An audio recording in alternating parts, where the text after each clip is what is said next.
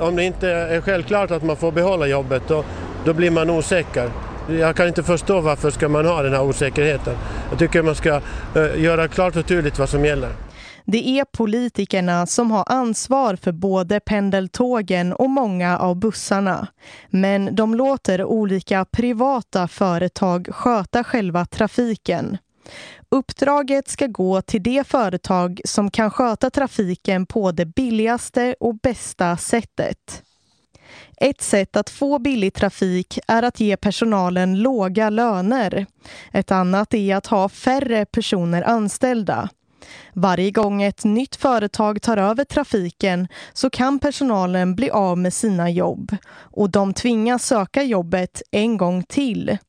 Risken finns då att de blir av med jobbet eller får sina löner sänkta. Det är dåligt, tycker fackförbunden Seko och Kommunal. Därför krävde facken att personalen ska få behålla sina jobb och löner när ett nytt företag tar över trafiken. Busschauffören Jarmo Mentusalo säger att det här kravet är så viktigt att det är värt att strejka för. Jag tror att eh, tryggheten eh, på arbetet är en av de viktigaste frågorna. Men trafikbolagen vill alltså behålla rätten att själva välja ut sin personal då de tar över trafiken på ett nytt ställe. En som stöder trafikbolagens krav är Malin Salén i den politiska gruppen Timbro.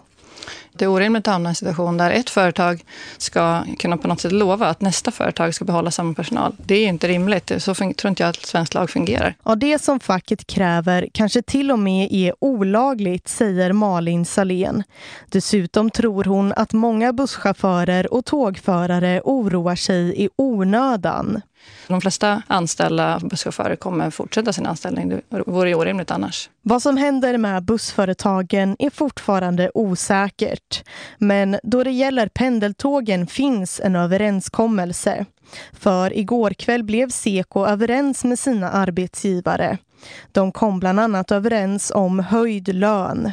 De kom också överens om att personalen på företaget Götalandståg ska få behålla sina jobb utan lönesänkningar trots att personalen har flyttats från ett företag till ett annat.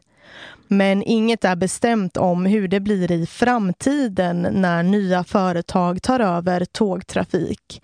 Facket och arbetsgivarna ska nu tillsammans försöka att fundera ut vilka regler som ska gälla nya företag tar över.